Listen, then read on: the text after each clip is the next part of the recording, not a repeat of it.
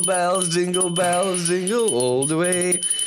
Praznično izdanje besjeda. Konačno krenuli praznici, došao nam lijepi decembar, snijeg upravo počinje padati. Utorak je snimamo utorak, u srijedu se emituje i evo konačno praznična čarolija. Ja nešto baš volim praznike, nešto baš volim snijeg i stvarno mislim da da je namjer ovdje, pokvario bi mi to čitav doživljaj praznika i sve što praznici nose sa sobom. Pijemo topli čaj, a, u gostima mi je jedan topli drug, uh, prijatelj, vrhunski nastavnik i neko na, na, na koga sam a, Rada me stalno upozoravao, ne možeš ti biti ponosan, znači da si ti nešto kao bolji, pa si na nekog nešto ponosan zato što je postigo, ali ja sam ponosan da postoje ovakvi ljudi u mom životu, da, da, da, da su mi bliski, a, a sa druge strane još sam ponosni da, da neka djeca imaju privilegiju da im ulaziš svake sedmice u razred. Dobrodošao Mahire. Hvala Nedime, zadovoljstvo mi je biti tvoj gost i hvala ti na puzu. A nije ti zadovoljstvo što nema namjera, to nisi izgovorio, Pa, ne, ne smiješ. Ne, ne, ne smijemo to spomenuti. Mahir Mališević a, nam dolazi iz a, Ilijaša, profesor je geografije a, u osnovnoj školi srednje kod Ilijaša. I ja kad sam bio kod tebe, ti si meni objasnio u biti da nema putne veze između srednjeg, nego se moraš vratiti, u stvari brdo vas dijeli, jel tako, Ilijaš i srednji. Tako. Sad ti ušao sam u tvoje Moram- polje. Moramo proći kroz općinu Vogošće. Aj, molim, a moramo proći, to je u stvari jed, dio, a, moramo se vratiti u, u Vogošću, pa onda u Ilijaš s druge strane da dođe. Ne, nešto slično kao što Olovo pripada Zeničko-Dobojskom kantonu. Dobro. A gravi, gravitira prema Sarajevu, bilo bi realnije da je ovo. Ilijaš je najveća, jel, to si mi govorio? Ili velika, jedna od Velika je većih. Općina, evo recimo područje srednjeg, to je prostor koji gravitira našoj školi, veći od svih gradskih općina zajedno površinom. U kantonu Sarajevo. Jest ovi gradski, dakle, Dobro. općina, imamo 230 učenika. Čuj, 230 učenika. Prelijepa vam je škola. A to vam je ljudi, kad se vozite za Olovo iz pravca Sarajeva magistralnim putem, a srećete kultnu kafanicu i znak a, srednje, a tu skrenete, sad me prati, jel tako, skrene se, skrene se lijevo, lijevo opet ispod, Ispod mosta, mosta. I onda se ulazi u jednu, je to sad geografski udolina? Dolina. Dolina. Rijeke Dobro. Rače. Dolina rijeke Rače, vozite se i sa lijeve strane će vam se pojaviti škola. Velelepni objekat. Ali stvarno je, mislim, sva ta priroda čini to, ja samo zamišljam, u biti neko to uzma zdravo za gotovo, malo prije smo pričali o vikendicama, ono, već da tu živim, ne treba mi vikendica, ali čovječe, to je, te, zamisli okružen si tom ljepotom, tom prirodom i dolaziš onda u školu koja... Sad znam se kako su tu ljudi. Jesu dobri ljudi. Kako nisu? Živiš tu Tu živim, tu sam rođen, i izbivao za vrijeme rata, nismo bili tu, ali u srednjem se. u Ilijašu. I kad si ti išao u školu, koliko vas je bilo? Pa, tu sam ja išao prvi razred i drugog pola, to je dakle bilo prije rata. Uh-huh. Pa, tada je bilo 800 učenika u toj školi, dvije smjene. To je bila Puno djece. prava škola. Sjećaš se školi? Pa, To dok još rat nije počeo u nekom... slabo. Slabo. Ili si potisnuo te? Upravo to. Izgleda da je rat napravio neki delete tih sjećanja. Jako slabo se tog perioda sjećam, iako bi trebalo da sjećam. Puno se više sjećam nekih ranijih perioda, Aha, u nego upravo tog taj. Tad vrtića nije bilo, je jel? bilo tu- Nije se išlo u vrtić. Mislim, i sad se gore ne ide. I sad se... Kakav vrtić. A šteta, šteta, baš je to važno za, za, za razvoj, razvoj djeta, ali dobro, razumijem i kontekst zašto. I dede i nane su nezamjenjivi. A jesu, dobre su, dobre su. To je da, super kad bila neka kombinacija ono da. Stvar trebalo bi dede i nane dovesti u, u vrtiće pa da ono budu s djecom i onako šta nezamjenjivo je. A sjećaš se poslije toga svoje škole? Pa, poslije, znači, ratna, ratni period, to je ono bilo. I ovako i onako. Te ideš, te ne ideš. Te ideš, te ne ideš, te ti predaju ljudi koji apsolutno, ima jedna zanimljiva anegdota vezano za engleski jezik. Znači, Aha. nama je u ratu, ja sam bio u Kaknju, Bilješevu, predavala nam je žena koja inače nije predavala engleski, odnosno nije uopšte znala engleski. Nego je njen muž malo znao engleski jer je radio na carni. Ono zna koliko se zna na carni to. Da, da, da. Dobar dan, izvolite. Da. Mani, mani. I ona je ticajem okolnosti predavala nam engleski. Sad smo mi učili ono Vukovski. Čitaj kako piše. A. Šta to? One, tvo, fre, to. Čita, čitalo se regularno. I završio je rat, srećom. Ot, otišli smo za Ilijaš i onda sam išao u osnovnu školu Hašim Spahić. I naravno, ono, prvi čas... To je ova gradska škola u Gradska Ilijašu. škola je. u Ilijašu. Obzirom da je gore bilo sve porušeno, mi smo Mhm. tu bili u stanu dok, dok se pravile objekti. I naravno, ono, engleski prvi čas, sad nastavnica proziva, ko će čitati lekciju? Znaš, Nisi se, nisi Ja javio. sad. Dižem ja ruku. Sreća neprozvana. I počeo čitati neku učenik. Kontam, pogriješio lekciju mali. Šta ovo čita, ba nema veze sa... Kad kaže ona, odlično. Tek onda vidim gdje sam ja. Ja sam ja nikad nisam sustigao te lekcije. Nikad. Uvijek progovorio sve je super, sve je super bilo, ali engleski uvijek Pa dobro, sam one, kasku, one kasku, tvo, kasku. tre, four. Razumit će me ljudi, jel? pa dobro, mi to zovemo pokvareni engleski. Ali meni je važno da se ljudi sporazumiju, pa kako god, šta. šta Odlično je. se služim rukama. to. A ovaj... Dobro, onda, jel ti... Pa onda sasvim slučajno sam se opredijelio za geografiju. Nisam, ono, imao sam neke otprilike, mislim ja sam genetski predodređen da budem nastavnik. Što? Otac mi je penziju zaradio Ozbiljno? kao učitelj. A nisam to rekao nikad. Kao učitelj, dakle, čitav svoj Dobro, imao si onda radio i komparativnu prednost. Imao sam ja tu neke malo a, vjerovatno afinitete prema tome. Kad sam završio srednju školu, završio sam inače gimnaziju u Ilijašu. Otišao sam da upišem fakultet, međutim imao sam neke dileme. Bila je da li hemiju ili geografiju. Dobro. Hemija mi je uvijek bila ono privlačna, zanimljiva. Mislim, ne zamišljam ja Kome je hemija uopšte? Ne, ne zamišljam ja kao što imam u ovom sistemu našem obrazovnom, uopšte ja tako ne znam. Dobro. Ono kemijanje, malo tamo da to puca, da to prašti, Dobro. da malo da, da je nešto praktično da djeca pravi, da ajmo napraviti sapun, svijeću, nešto. Fenomenalno. Dakle, to je meni bilo ono fascinantno. Inače me hemija fascinira, te mogućnosti njene. Ne ono Jasno. valencije, kovalentne veze, atomske to ništa. I prirodno matematički fakultet, sad ono, dvije su zgrade. Lijevo je zgrada, ova Violeta, tamo je bila... Morat ćemo naplatiti reklamu za ovo. Ta- tamo je, tamo je bila biologija i geografija, a u ovoj centralnoj zgradi je matematika, hemija, fizika, informatika. Što nisi matematiku? Ja sam otišao u tu zgradu, centralnu, obzirom da je tu bila studentska služba. Bio sa mnom jedan drug, on je krenuo da upiše šumarstvo, pa sa mnom čekao. E, tu je šumarstvo, jel? Je. Blizu zgrada. Tamo je Iza. iza. iza. I tako priča, sjedi neka djevojka tu, ima ispit. Čini mi se da je studirala fiziku, ali ona priča sama sa sobom, vidimo mi nešto nije dobro tu. Pali ona cigaretu, Pređi na političke pusti ovo. pa, pali cigaretu, okrenula No. kontra, Ja. pali čik. Rekao, hajmo mi Amire, nije ovo za nas. I pređem u susjednu zgradu i upišem geografiju. Jesi našao tu cur da je se zahvali? Što nisam, nisi nisam pisao? ali drago mi, nisam se nikad pokazao, stvarno što sam pisao geografiju. E, stvarno morao bih i ovim putem zahvaliti se svojim profesorima, bili su odlični.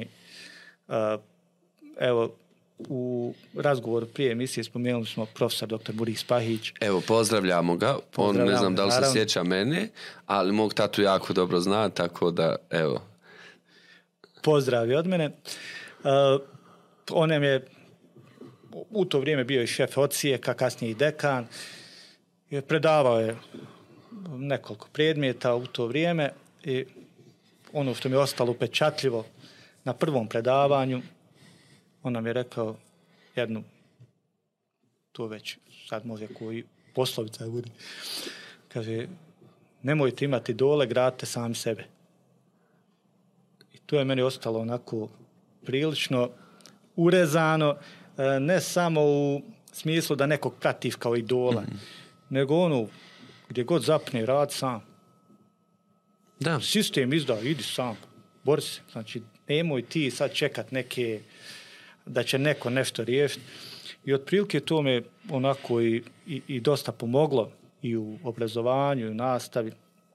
Dakle, da sam ja čekao da mi neko, ne znam, kupi neki sistem, uređaj i tako dalje, vjerovatno Nikad da nikad ništa. ne bi dočekao. Tako da, eto, to mi je ono bila neka vod- vodilja. Naravno, bitno je tu da se poklopi dosta drugih stvari, da nemaš nekih drugih, ne daj Bože, prećih izdataka, da. pa da vi ne možete, ali ja sam imao tu sreću da sam mogao i tako, eto, da je bilo tih uh, zanimljivih i aktivnosti, eto, jedan od razloga što sam i ovdje. Doći ćemo do tak. Nego nismo, stani, nisi još završio fakultet. Tek smo počeli. O, tek smo počeli. Um, ti zadovoljan si nekim konceptom studija? To je neko, jel? To su neke 2000-te, jel? A, da. 2000, do 2000, 2002. do 2006. Sve u roku dao. Sve u roku dao. Mislim, malo kasnije razvlačio sa ovim diplomskim. Zamomčio se. Dobro. A, u suštini, a, pa znate kako i tada se osjetilo. Ono što mi je posebno, kasnije sam to cijenio kod profesora, on tada nisu imali a, mogućnost, nisu imali opremu, nisu imali, ali su nas uvijek upućivali na to. Evo recimo GIS. To je tada su bili, GIS je bio u začetku nekom u obrazovanju, govorim korištenju obrazovanju. Međutim, profesori su uvijek govorili o tom sistemu, da je to dobro, da mi to radimo, iako oni nisu imali praktično da nam to pokažu. Ako da nas, ništa, oni nisu znali. su Oni nisu, dakle, imali, jeste, da, da rade u GIS-u, nego su upravo a, pokušavali da to Ništa, ništa, samo ti nastavi pričati. Skontat ćemo u jednom trenutku ovaj... Hoćemo objasniti šta je GIS, molim te. Mi smo u kancelariji ozbiljno udarali glavom od zid. Evo imam i definiciju, dakle pripremio sam se kao pravi štreber. A, kaže ovako, a, geografski informacijni sustav ili sistem je sustav ili sistem za upravljanje prostornim podacima i osobinama pridruženih njima. U najstrožem smislu to je računalni sistem sposoban za integriranje, spremanje, uređivanje, analiziranje i prikazivanje geografskih informacija. Sad ti budi moj dobar drug pa prevedi. Pa, to je previše jednostavna definicija. Mislim, nemojte toliko uopćavati. Stvarno, GIS je puno širi i od te definicije. E, geografski informacioni sistem, dakle, jedan skup sistema koji nam svakodnevno služi, a da mi to i ne znamo. E, u geografski informacioni sistem, recimo, spada GPS, Dobro? globalni sistem pozicioniranja, a, daljinska detekcija ili daljinsko snimanje, satelitski snimci, daljinska istraživanja, sve to spada u domen GIS. Google Maps koristiš, to je GIS, Koristim. Vrlo često. vrlo često. To je GIS. A, na, ne smijem opet da reklamiram, na platformama za kupovinu. Dobro. Ako Već želite- rekao Google, Google ovaj Maps, pa možeš Da, reći... Dobro, ovi su, ovi su izreklamirani. Je, njima ne treba Ne reklama. treba reklama. A, na ovim platformama za kupovinu vi imate pronađi artikle u blizini. Aha, To je GIS. pa mi on nađe, ok. Otkud on zna? Svaku aplikaciju kad instalirate kaže dozvoli usluge o lokaciji. Dozvoliš li? Ako mi je neophodno, dozvolim, a dozvolim. Ne znam, nek se boji ko nije u redu. Tako je, tako je, ja se slažem isto. Ja nemam šta da krijem. E, tako da, u suštini, e, GIS pokriva ogroman. E, uz nanotehnologiju i biotehnologiju, to je sistem koji se najbrže razvija u posljednje vrijeme.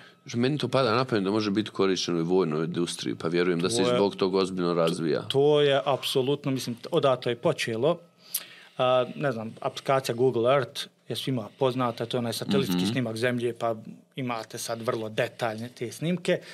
A, prvo je korišteno u vojnoj industriji i onda je dozvoljeno korištenje u civilne svrhe, ali do određene stepena razlučivosti, to je neki a, metar dva razlučivosti, odnosno a, preciznosti, upravo iz tih razloga, dakle, a, vojna vojska ima mnogo precizniji. Znači imaju već kako onda. Da. Pa da, ove navodeće rakete. Bez problema vam mogu ra- raz, razlikovat novčance u ruku. Ja, fenomena. Satelitskim snimkom. Pa dobro, da se ne brkam onda, da sakrijem novčanik. Znači, malo ukraj, da. malo ukraj. Šta tu radite, gospodine, svoj vi posao. Svoj vi posao. Ne e, doći ćemo, doći ćemo do tog gisa. Stvari, hajde. O, neki dan smo se čuli, a, zvao si me da dođem u školu na dane gisa. Rekao, dobro, o, znaš, ono, kad nekom slijepo vjeruješ, doći ću, nisam ti Ma šta došao, to je, bilo, šta god bilo, znam da je nešto ti to voliš, ja ti podržavam tvoju pasiju, kao i ti moje, i ti dolaziš meni o, na, na, na događaje. I nisam došao zato što je bilo dan uoči konferencije, izvinjavam se i tebi i čitavoj ekipi. Uglavnom, ljudi, ovo su bili prvi dani GISA, jel tako? Tako si i napisao. Tvoj. Moji i u, inače održani u Bosni i Hercegovini u osnovnoj školi. Dobro. I bio si dovoljno, evo, lud da kažeš ovo će biti u srednjem, u Ilijašu i svi ste dobrodošli, pojavilo se svi koji nešto znaju o, o geografiji u ovoj državi su ti došli. Pa, bilo je prilično glamorozno. Uh, otkud ideja uopšte za GIS? Dakle, skratit ću, pokušat ću biti malo kraći u toj kompletnoj priči. Uh, inače, ja GIS, dakle, rekao sam da je to širok spektar alata, koristim od 2008. godine. Dakle, to je eto već 14 godina. Prvi alat koji sam koristio upravo ovaj Google Earth. Sat- Satelitski snimak zemlje. To kad se pojavilo, ja sam rekao, to je to što se tiče geografije. Znači, stvari o kojima mi pričamo učenicima, koji pokušavamo rukama, nogama da objasnimo, vulkan, ne znam, fjordove, ovo, ono. Dakle, bukvalno ih odvedemo tu. Google vidi detaljno dijete kako to izgleda. I to je meni bilo fantazija. I od tada je meni taj sistem desna ruka, čim je I za malo... početak ničem izdaje ravna ploča. Čim, ovaj, čim vidim da me učenici blijedo gledaju, Ka- stani, Google-u. Sad ćemo mi to da vidimo kako to izgleda. Dakle, stvarno, pruža brojne mogućnosti. Naravno, kako vrijeme prolazi, uh, i GIS se je razvijao, nudio ogromne mogućnosti. Vi svjedoci smo svi, danas smo ažurirali aplikacije, Google je ažurirao, ujutro imamo 12 novih ažuriranja. Dakle, preko noći se desi toliko promjena, da ne govorimo za 10 godina. I učenici su prilično napredovali u radu i onda smo počeli koristiti ozbiljne alate za a, izradu geografskih karata, za izradu geografskih profila, razni analize podataka i tako dalje. Što djeci ono bude jako zanimljivo, ali oni vole da to se objavi. To na kraju ima neki Dobro. Da neko vidi. Međutim, nikad nismo imali licencu. Uh, licence se moraju kupiti. Za? GIS. Ok. Ta, za te softvere. U, u ovom slučaju ArcGIS koji mi koristimo. Uh, licenca je otprilike neki paket licenci ima pet licencije, 800 i nešto maraka. I to je bilo preskupo da bi ja to kupio, jer traje godinu dana, je to godišnje licence. I nisam nikad imao, imao sam ove neke tamo Dobro, nećemo varijante. javno. Dobro, ništa niste čuli. Uglavnom, uh, nakon toga ja sam se zainteresovao malo kako mogu dobiti tu licencu. U stvari, našao sam tamo na Esrijevoj stranci, to je ova firma koja proizvodi uh, GIS software američka, da oni daju besplatne soft, uh, licence za škole. Vidio sam da to radi u Americi, međutim tamo ima varijanta i za ostale škole u svijetu. Za ostale ili za ostale? Sve jedno nam dođe. Uglavnom, ja sam se obratio njima na svom engleskom. Dobro. Ali razumjeli su me Dobro, ali pi, pisao si, to je već bezbolnije. Da, da, da, da. Mislim, Google Translator odlagan. Ide tu. A, obratio sam im se da vidim da li je moguće u Bosni i Hercegovini dobiti tu licencu i oni su mi stvarno ljubazno odgovorili da oni rade za američko tržište, ali da se ja trebam obratiti a, distributerima u Bosni i Hercegovini, to je firma GDI DO u Sarajevu, koji su generalni distributer tog softvera za našu zemlju. Ja sam se onda obratio toj firmi. Konačno na svom jeziku nisi Konačno, morao. ne, da. I oni su me također razumjeli. A, stvarno ljudi su odmah rekli sve to super, ali niko nas to nikad nije pitao. Ne znamo Dobro, ni mi. moramo provjeriti. Ne, dobro? moramo provjeriti. I oni su to provjerili, međutim, nisu ušli u taj neki projekat za nabavku tih licenci. Vidim da je Hrvatska već to radi. Njihov isto firma je GDI Hrvatska, ali oni već imaju te licence za osnovne škole, za, inače za škole. I rekao, ima jedan način da se organizuje dan GISA kao manifestacija i tu se može dobiti neke licence kao A, u tom Smatra- grmu... smatrajte završenim. Samo me gledajte. Smatrajte završen. Uh, I odmah sam prijavio na Esrevoj stranci, ima GIS Day, da prijavite svoj događaj, oni vas ucrtaju na mapu svijeta kao Dobro, pa događaj. bilo bi glupo da vas ne ucrte, ipak se tim bave. ovaj. I logično u srednjem, naravno. Fen- Pozicionirao si Mislim, srednje... Nomen ej. est omen. Mora u središtu. Tako. Tako da, danas sam prijavio, sutra sam dobio pet licenci odmah. Ja sam konto sad to ide kao kod nas, ono, pa moraš provest, pa slikat to. E, pa to danima, zna, pa- danima, pa izvještaje pis. Odmah pet licenci ljudi šalju. To nam je dalo onda krila, malo elana. Uh, naravno, ja sam to predstavio i direktorcu, obzirom da mogao sam ja odmah reći, dobio sam licence i to je to.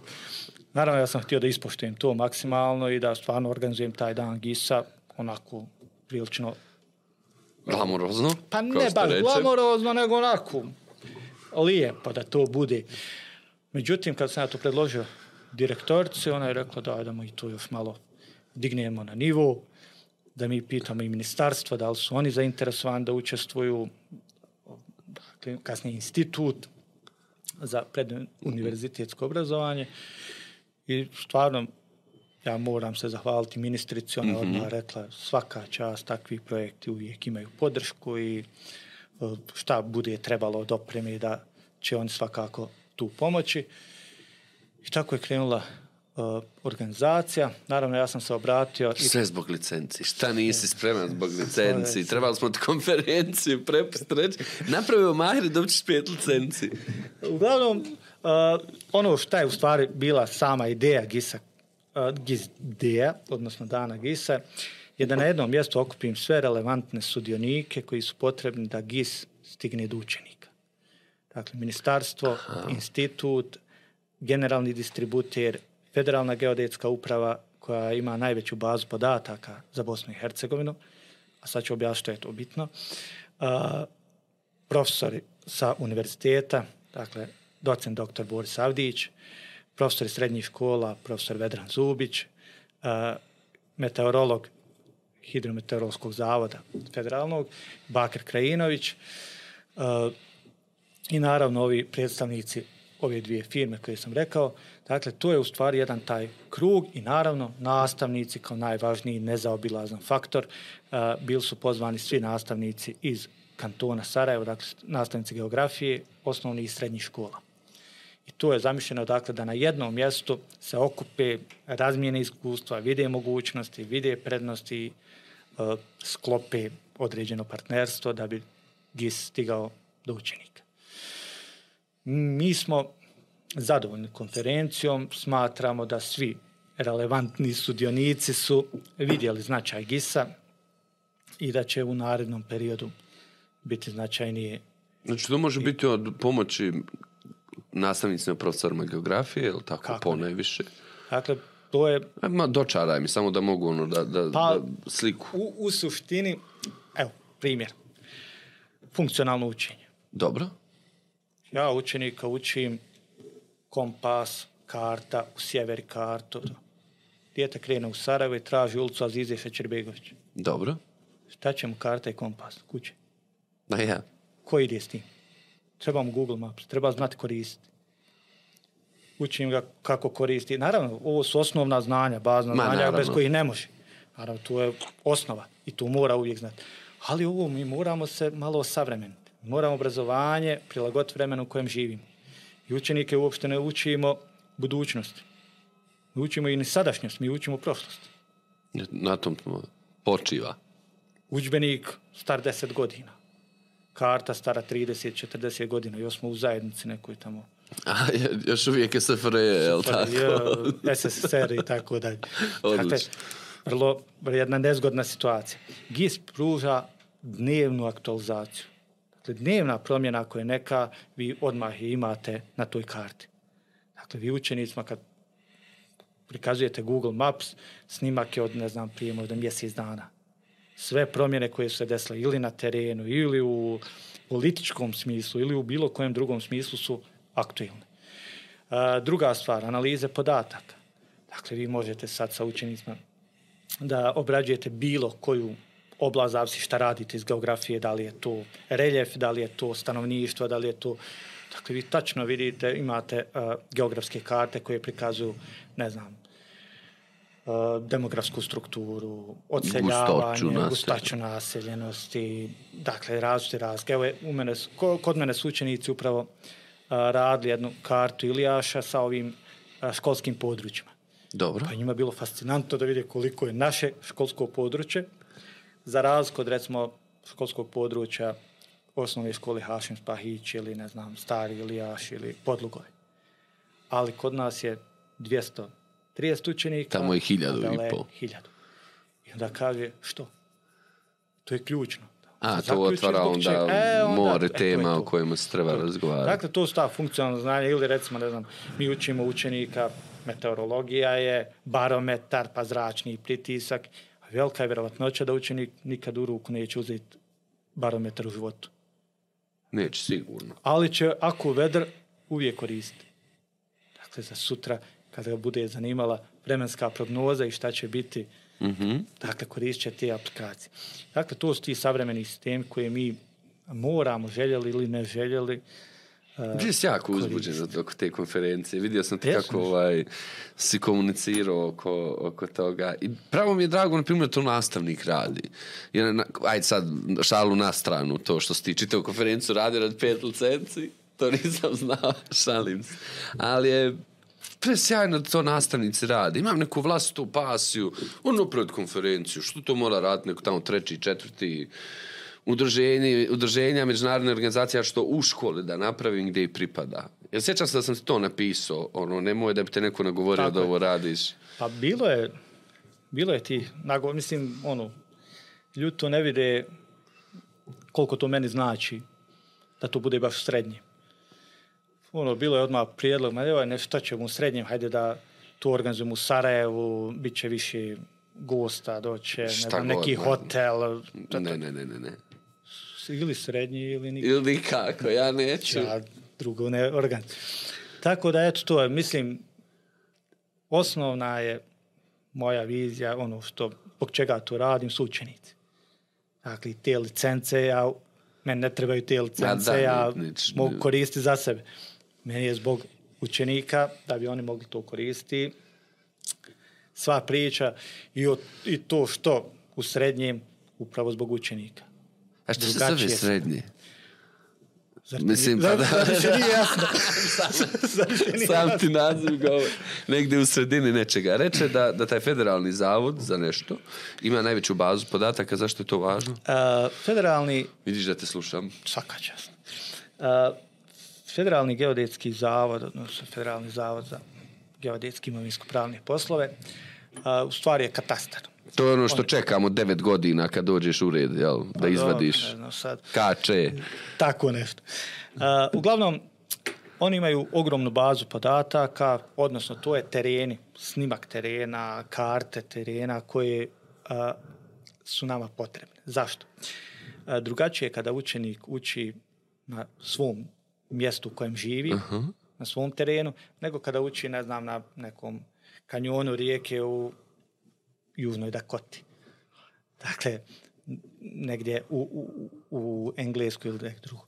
Dakle, drugačije je kad on analizira reljef svog mjesta, a da bi to mogli koristiti, trebaju nam ti podaci, dakle, taj GIS podloga koju ima geodetski zavod. Dakle, granice općina, granice Jasno. mjesnih zajednica. Pa sad, evo, Jel nacionalni park nije nacionalni park? Jel možeš graditi, ne možeš graditi? Upravo to, evo, recimo sad, ono što mi imamo ogroman problem područje srednjeg jeste to odseljavanje stanovništva, odnosno taj demografska erozija naša. imamo problemi sa unutrašnjim i vanjskim migracijama. odlazi nam i prema Sarajevu i Vogošći, Ilijašu i prema inostranstvu. I to nam stvara ogroman problem. Svake godine mi ispratimo dva, tri učenika u tog školske godine koji odseli. Dakle, to nam je jedan To me sad rastuži. od većih problema i meni je drago da mi nismo jedan od uzroka, iako ima mnogo razloga što se to dešava. Drago mi je da osnovna škola srednje je u stvari jedan motor društvenog života u, u tom Tako. području i mi smo otprilike jedini centralni događaj mala matura u srednjem i nemamo jačeg događaja.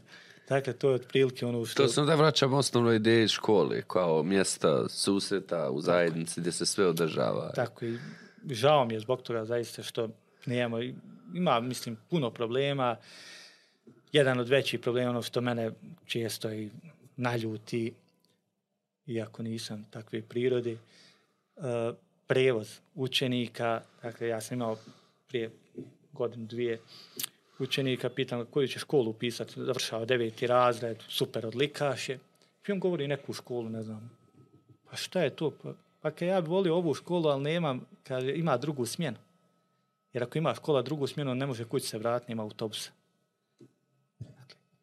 Znači, on životni poziv bira na osnovu li nema autobuske linije. Dakle, to je zaista onako poražavajuće i žalosno, ali eto, to ne može. I djeca mnogo putuju do te Stvarno. škole, jel tako? Pa da, mi imamo i tri područne škole a, za učenike do četvrtog razreda. Pa ova jedna područna je udaljena oko 20 km, ove su oko 10, dakle Kamenca i Gajevi, dok su Dragorad najudaljenija škola i učenici nakon četvrtog razreda svi vozari prema Tako. i 85-90% učenika nam vozari. Dakle, iz tih okolnih. Jel bi želio neki drugačiji tretman za te škole, za takve škole? Ili škole poput tvoje? Od strane? Pa od ne znam, koga god obrazovnih autoriteta do... Aj ne, nebitno, Ne, možda glupo ne pitanje. Šta bi takvim školama godilo da se neki problemi riješi? Pa naš osnovni problem, mislim, škola kao škola, mi stvarno nemamo ti nekih a, organizacijskih problema kao ustanova. E, dobro smo i opremljeni, dobri uslovi rada, dakle, škola je na jednom izuzetno dobrom nivou i to se Preslatka je. Tako. E, zahvaliti se i sadašnjoj direktorici i prethodnim direktorima, dakle stvarno su školu, škola je na jednom visokom nivou i što se tiče stručnog kadra i što se tiče opreme. Međutim, evo, problem nam je recimo taj prevoz. Često nam to stvara velike probleme. E, mi apsolutno gotovo da nemamo mogućnosti za van nastavne aktivnosti, Da, jer sekcije. se završava... Tačno se završava, dakle, učenici iz razreda, iz učionice idu pravo autobus, jer je nemoguće da se tu napravi još neka dodatna linija za učenike koji bi bilo ostali na nekoj van aktivnosti, a s druge strane nemamo, nemamo alternativu. Dakle, ne postoji neki trening mimo škole, Ma jasno. kurs mimo škole, To je bilo to. šta. Šta je tu Što je? u školi, tu je. To je malo onako Nije nekad na- namjer, ja sanjam o tim cjelodnevnim školama koje bi djecu dovele ujutru i bili tu čitav dan, naravno sve uz topli obrok, uz aktivnosti u školi. Da li bi to možda promijenilo lice i naličje? Pa sad, naravno, to opet Čitav, dvije strane medalje. Dakle, sigurno da bi bilo korisno za određenu kategoriju učenika, međutim, bi bilo i oni koji ne bili sigurno zadovoljni takvim sistemom koji bi možda... Jasno, kažeš da ste zadovoljni stručnim kadrom i to, dakle, to, to, to ne manjka. Um, kad ti gledaš tu djecu iz... Dakle, stvarno ne želim ni da... Dobro, ti sigurno nećeš steći dojam, znamo se, ali da, da, da publika ne stekne dojam. Dakle, nikakav ni patronizirajući, ni, ni, o, ni bilo kakav drugi negativan stav, ali razumijem što znači startna pozicija. Evo, ako ništa, nemam, nemam, nemam, nemam van nastavne aktivnosti. Nemam trening neki, nemam još dodatno treće prostore koje mogu učiti, jer nije škola jedino mjesto u kojem se uči. Nekad sam učio na sekcijama, na druženjima, na, na pozorištu amatera, to su sve prostori za, za, za učenje. A kad gledaš tu djecu, a jednom si bio na tom mjestu, pa si nesretnim okolnostima morao izbivati, šta osjećaš? Koji su tvoje snovi, nadanja za tu djecu? Na kojim način im kompenzuješ nedostatak nekih drugih prilika? Pa dobro, nedostaje, ne nedostaje njima puno, osim što im je Sarajevo malo zabačeno. Nisu oni krivi. e, niti je Sarajevo krivo što je zabačeno. malo je zabačeno, sve sve. Slažem se.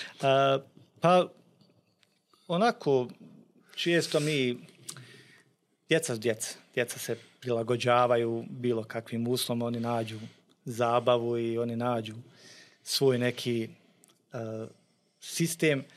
Međutim, malo je meni žao bilo u jednom periodu uh, to samopouzdanje koje oni nisu imali. Dakle, primijeti se na njima, joj, kaj, šta ću ja kad odem u srednju školu, dole sve ovi, oni, oni znaju ovo, oni znaju ono. Dakle, to mi je bio također jedan od motiva da ja osnovnu školu srednje da napravimo jedan brand, da će dijete sutra sa ponosom reći ja sam išao u osnovnu školu srednju. Pa kad mu neko nešto kaže, on ima neke reference na koje kaže ja sam, jasno. sam bio u osnovnoj školi srednji čovjek. Dakle, da, da pokušamo e, koliko možemo, naravno ne mogu ja sad tu nešto Aman rad kao jedan nastavnik, ali eto, svi kao tim zaista se trudimo da to bude na jednom onako prilično A vidio sam, osjeti se i kohezija među vama i nevjerojatna količina energije koju ulažete u tu školu. Dženita, je li ona i sad, je li ona direktorica? Je, Hvala na, na onom lijepom prijemu kad, kad sam bio kod vas. A, I onda ti si pobjedio 2020. je li tako? 19. 19. si pobjedio na našoj nagradi za inovativne nastavnike. Otkud to uopšte da se prijaviš? Pa, Prijavio se ranije, pr, pr, godinu uoči tog, jel? Da, prijava je išla, mislim, sasvim slučajno se to desilo isto, također nije bilo rekao. Uh, smijem organizacije spominjati. Ja, smiješ. Smijem svako. Smiješ. Svi će platiti besedama. No, normalno. Uh, neki projekat u našoj školi provodila je organizacija Dogs Trust. Aha. I oni su... Super su oni drugari. oni su u tom periodu vjerovatno sarađivali sa Stepom. Je, na konferencijama su dovodili nastavnike. Upravo to. Dobro. A mene doveo. Dobro. O tom ti pričam. A, i sad povezujem, dobro. To je to. Dakle, oni su uh, u nekom periodu vidjeli ovaj moj rad, vidjeli sandbox, vidjeli sve to što ja radim sa učenicima kroz te neke aktivnosti koje su oni provodili i kada je održavala se konferencija u Holiday Innu, koja je to mogla biti godina 2017. 18. Prije rata. Prije korone. Prije korone i post korone. Uh, oni su pozvali školu, da li bi delegirala nekog od nastavnika da učestvuje na konferenciji. I eto, onako, mene su predložili, meni su u stvari rekli, bil ti, ne znam šta trebam raditi, šta je. Pa kaj malo ti to svoje neke te fore. Pa dobro, može, rekao, nije problem. I tako sam uh, uzeo učešće na konferenciji tada. I ono kako su bile paralelne sesije, u mojoj grupi je bilo neki 15-20 uh, kolega. Ja sam te moje varijante predložio, odnosno izložio sandbox, sjećam se aplikacija da povećane da realnosti. Tak, prevozili. Čovječ, pa koliko je to? Pa veliko, pa teško, pa... E, to je ta varijanta. Nosim ovaj pjesak iz sandboxa u kantama od pola. Dobro. Kad ti ideš krećeti ili ti ideš na konferenciju. uglavnom, uglavnom uh, tada kada je završila konferencija, kolegica Medisa Aljukić je bila prisutna Aha. tada i ona je rekla, jo, ovo je super, što se ti ne prijaviš na Ninovu nagradu? Ja do tada nisam ni čuo, ni, mislim nisam bio upoznat. Ma nemam pojma, rekao ne. Ja ću te poslat prijavu, ti samo se apliciraj, probaj. I tako je bilo, ja sam prve godine aplicirao, onako malo tu, zna. opisao tu svoju praksu, poslao i uđe među prvih deset, tako, kao među deset najinovativnijih. Nisam te godine dobio nagradu, te godine je kolegica Ivana Bubalo, Bubalo je Bubalo, široko. širokog brijega dobila. I sljedeće godine, Zasluženo, moram da ti kažem, u te godine. naravno, naravno. Uh, sljedeće, A šta nije to besrabrilo to što nisi prve godine Pa pobjedio? ne, mislim, ja uvijek tražim prvo grešku u sebi. Nisam ja to dobro opisao. Aha, ne treba to imati to, dole, nego gradi. Da, gradi sam sebe. Kontam, nisam ja to njima dobro opisao. Moram ja pobijediti.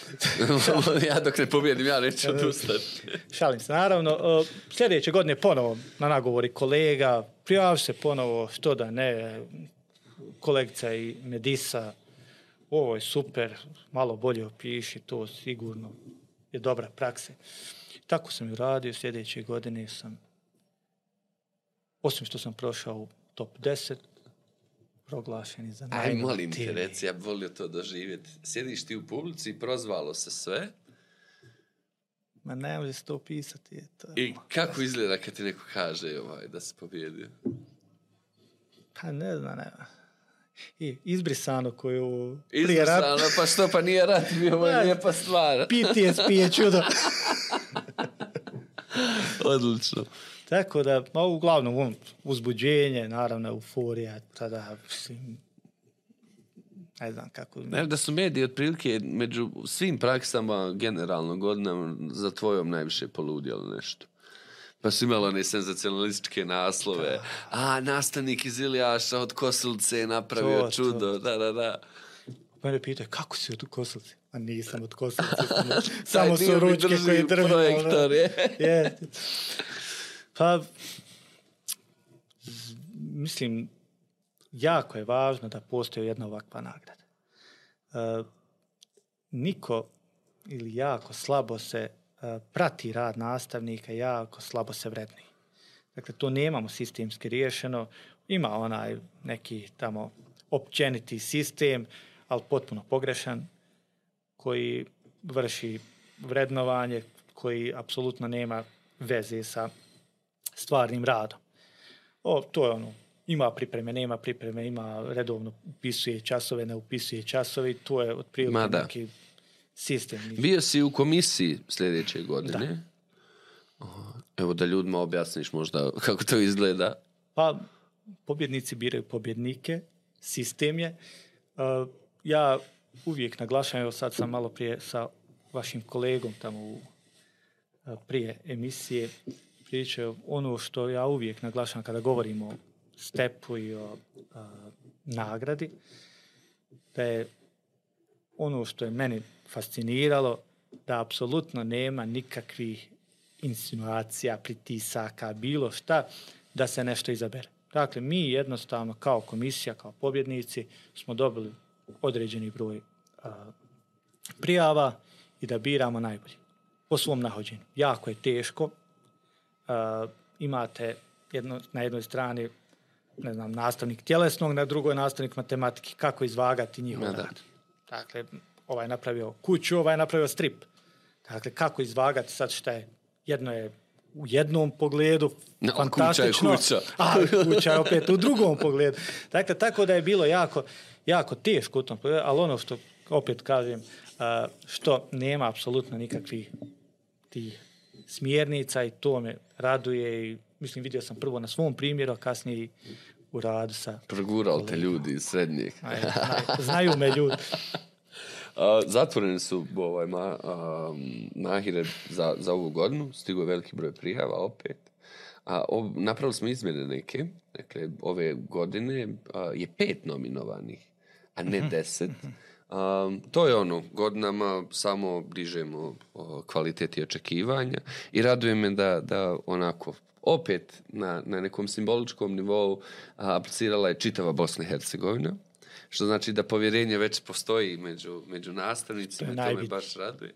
E, ono što će tebe rastužiti, njih obradovati, digli smo fond nagrada, Mhm. a, tako da, da pobjednici dobijaju hiljadu i po konvertibilnih maraka plus U dodatne skladu sa nagrade. inflacijom. U skladu sa inflacijom, pa mislim da je bila ovo 18% bi bilo, pa bi dobijali 1180, ali mi smo kao, očekujemo i u dodatnu, dodatnu inflaciju, pa smo ljudima morali povećati nagrade. Je li se nešto promijenilo poslije, poslije nagrade u tom Postao, pozivu? postao sam celebrity. Da, ideš po medijima, Idem po mediji. Jutro si bio na FTV-u. Jutro sam bio u a, jutarnjem programu. Pa, mm, naravno, Sve u korist osnovne škole postane brand. tako je. A, drago mi je u tom smislu a, što je upravo brendirana škola. Ja sam sve vrijeme potencirao na školu, na to područje, manje sam govorio o sebi. A, upravo i snimanje filma o nama, dakle, meni je jako drago što je došlo u našu školu, što su svi vidjeli našu školu, što je, dakle, to mnogo znači učenicima. Kada oni vide svoju školu, svog nastavnika, kako je to, negdje nešto. Nešto. Dakle, to je njima, znači oni ne shvataju u stvari šta je to, ali Ali nešto, god, njima- super je, super, je. je. Dakle, i u tom smislu mi je drago, dakle, u- i ovo što sam ovdje i što sam jutro bio na FTV-u, to je sve istog razloga. Mene je ogroman to problem doći u sedam ujutro u jutarnji Jeste, program pa se vratiti. pa se vrati na posao, dakle, u doći u meni devet, pa ovdje. onda u, odmah poslije nastave doći ovdje. Dakle, Još sad puno bi pao, valja nazad. Puno bi mi bilo jednostavnije reći ne mogu i čao, ali eto, upravo iz ovog razloga. I meni je važno da su nastavnici vidljivi u medijima. Različiti nastavnici koji preuzimaju onu ulogu koju od uvijek imaju, to su javni intelektualci, to je, imamo šta za reći.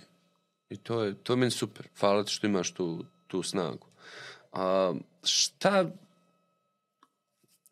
ti drugim kolegama, drugim kolegicama bi evo kao nastavnik imao a ovo mi je glupo kad imate još neku poruku za nastavnike, ovo mi zvuči infantilno, kao da je ono Hugo i Hugić, jel? Samo da prenesemo u profesora.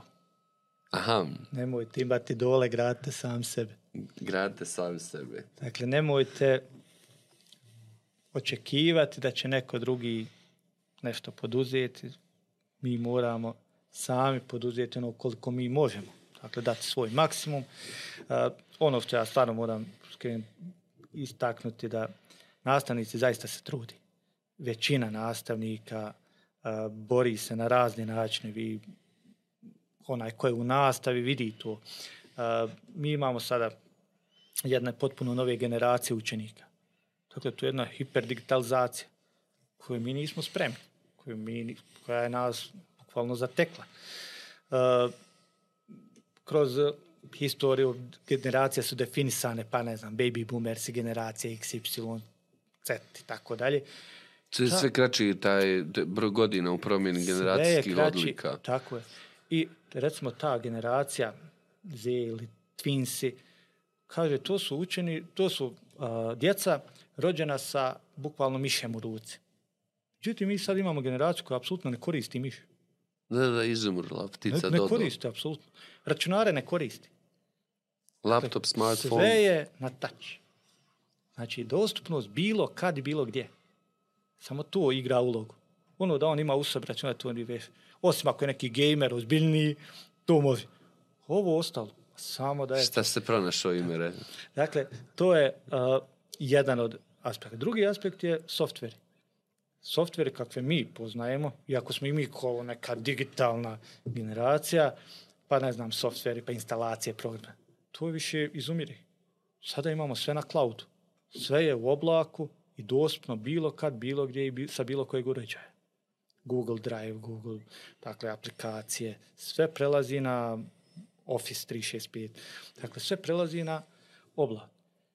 I dolazite u, a dru, također vrlo uh, jedan velik problem, da tako kažem, je što mi sa, na suprotnoj strani imamo multimilijonske kompanije sa milionskim budžetima koje ulažu u uh, istraživanja afiniteta te djece da bi im izgradili softvere, hardvere koji će ih zalijepiti. Facebook, TikTok, YouTube, ovaj, Snapchat. I šta tako god dalje. more. A, gamers, gamerske platforme i tako dalje. I oni dakle svaki dan rade ta istraživanja da upecaju tu djecu. To je ovo, evo, najbolji primjer je TikTok. Dakle, to je platforma koja je napravila jedan opasan algoritam za a, upravo to lijepljenje korisnika. To se kod njih zove korisničko iskustvo. Dakle, da tačno prati afinitete korisnika da bi mu plasirali taj sadržaj koji on voli. I u stvari bukvalno ga ulači, sve više mu nudi ti sadržaja koji ga zanimaju, koji. I dakle, oni njega bukvalno zalijepe za telefon. Sad na drugoj strani imate golorkog nastavnika koji izađe pred učenike i hoće da privuče pažnju sa udžbenikom starim 10 godina i kartom od 30. Kad to kažeš tako, onda stvarno zvuči smiješno. Je. Znam se. I sad treba privući njihovo, pa ja razumijem potpuno učenik i djecu. Dakle, mi smo njima fosilni ostaci nekih obrazovnih sistema iz prošlosti. Uspijevaš? Pa u nekoj mjeri da, ali dok se to sistemski ne riješi, sve je to na metodi pokušaja i pogrešaka. Dakle, I malo stare slave. ne, ne, ne mora znači da to što ja radim je dobro, što nije dobro. Tu mora biti neki sistem koji će procijeniti, vrednovati, postaviti se, da zna se šta kako raditi. Kako ti rasteš ko nastavnik? Polako, ali sigurno. Ma, manjim stopama. Pa lako. Pa, trudimo se da, mislim, ja se trudim da pratim savremene tokove i u obrazovanju i u tehnici i u sve, da bi mogao koliko toliko pratiti sve što se dešava. Naravno, u nekom momentu izgubiš volju, pa onda se ponovo motivišeš, pa, ali sve nekako to milion je problema na plećima s jedne strane, ali kad vi izađete pred učenike i kad vas oni pogledaju, onda ide motivacija, raste i onda to sve može. Krene polako. Pa kreni polako. Imam poklon za tebe. Pošto su praznici, ja volim praznike, ne mora niko da ih voli, ja ću da ih volim.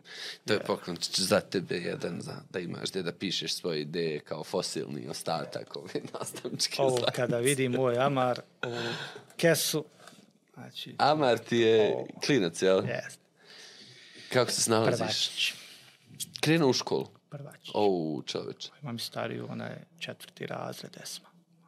Već ozbiljan igrač. Kako se snalaziš u ulozi tate? Pa, Mislim, dugo si već u tom, pa. tu bi mama više mogla reći o tom. Jel? Aha, a da je ono subjektivno, trudim se, trudim se. da budeš dobar Pa tata. da budem. Plašite ovaj, svijet za njih. Pa, plaši me općenito narativi koji se provlače sve vrijeme i eto i to mi odmah padne na pamet. Uh, prije godinu dana imao sam jednu učenicu, deveti razred, sad znate kako to deveti razred, tu je eksterna matura, to je ovo matursko veće, tu je ekskurzija, tu je upis srednje škole, sve, milion problema koji oni imaju, ideja u njihovim glavama. I prilazi ona mene onako prilično prestrašenim pogledom. Nastavničke, šta mislite vi da li će se zaratiti? Ajde.